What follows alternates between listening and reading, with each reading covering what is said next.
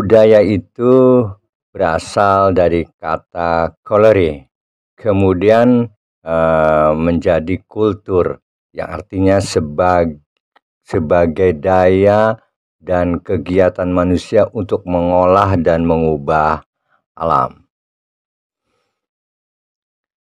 Coba kita akan mendengarkan beberapa pendapat ahli tentang budaya. Salah satunya dari Taylor, yaitu ilmuwan yang lahir pada tanggal 2 Oktober 1832 dan meninggal pada tanggal 2 Januari 1917. Ilmuwan ini ya, lahir di Inggris, di ilmuwan Inggris. Uh, karya yang terbesarnya itu adalah Primitive uh, Culture and Anthropology. Beliau berpendapat mendefinisikan bahwa budaya itu adalah sesuatu yang kompleks, yang mencakup pengetahuan, kepercayaan, kesenian, moral, hukum, adat istiadat, dan lainnya yang didapatkan manusia sebagai anggota masyarakat.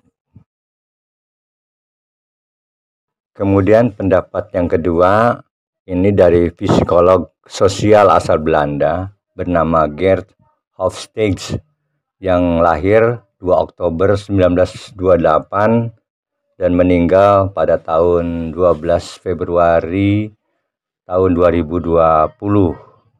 Uh, karya terbaiknya itu adalah Kultur and Corporate Culture yang mendefinisikan budaya itu adalah pemrograman kolektif pikiran yang membedakan anggota dari satu kategori dengan kategori yang lain. Dan yang ketiga, pendapat ini kita ambil dari ilmuwan uh, asal Yogyakarta yaitu bernama Kuncoro Ningrat. Beliau ini adalah antropolog asal Jogja yang lahir tanggal 15 Juni 1923 dan meninggal pada tanggal 23 Maret 1999.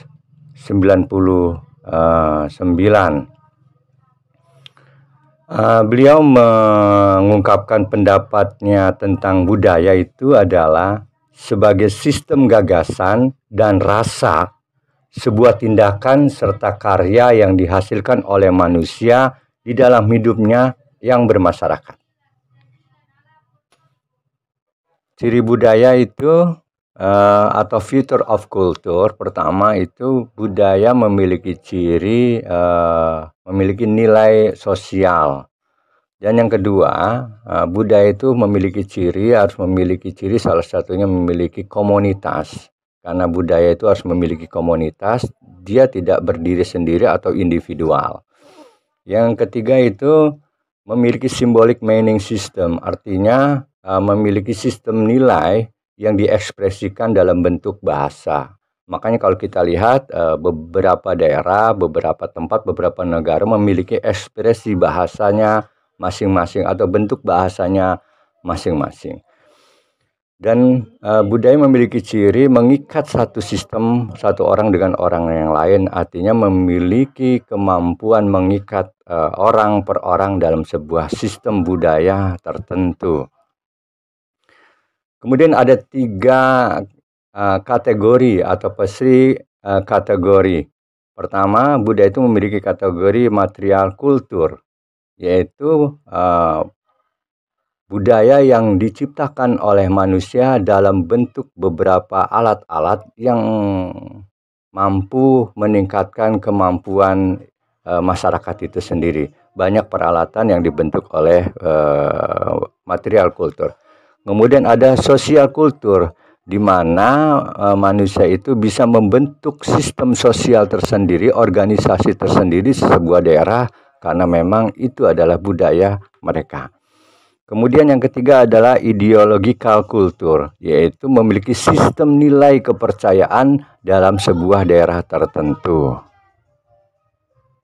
Pendapat jenis uh, budaya atau tipe of cultures pertama itu adalah ada jenis budaya corporate culture artinya ini budaya yang uh, dibentuk di dalam uh, perusahaan seperti banyak perusahaan membentuk budaya organisasinya sendiri. Yang kedua itu ada profesional kultur. Jadi tipe pekerjaan itu memiliki budaya tersendiri. Misalnya seorang dokter, seorang pengacara, polisi, tentara, dan seterusnya itu akan memiliki budaya tersendiri. Ketiga itu ada tipe gender, yaitu perbedaan uh, jenis kelamin juga membentuk budaya sendiri. Perempuan memiliki kebiasaan dan budayanya sendiri, begitu juga laki-laki. Yang ketiga umur. Umur uh, ini ada akan membentuk pola budaya tersendiri, misalnya anak-anak, orang dewasa, kemudian orang tua, dan seterusnya. Yang seterusnya itu ada religius kultur. Ini budaya uh, kepercayaan, yaitu seperti beberapa kepercayaan yang dianut oleh uh, beberapa daerah. Yang ketiga ada regional kultur regional kultur ini uh, biasanya uh, budaya dibentuk karena belahan mana kita berada. Misalnya ada belahan timur, ada belahan barat dan seterusnya. Ada namanya uh, kelas kultur, yaitu budaya uh, kelas, uh, tingkatan budaya berbentuk uh, kelas budaya, yaitu misalnya mereka di posisi di tingkat uh, masyarakat seperti apa tingkatannya middle, kelas menengah, kelas bawah, kelas atas, dan seterusnya itu akan membentuk ciri budayanya masing-masing. Nah, kali ini kita akan lanjutkan bagaimana uh, melihat bangunan budaya itu kalau kita gambarkan dalam bentuk gunung es itu akan terbagi dua gitu ya.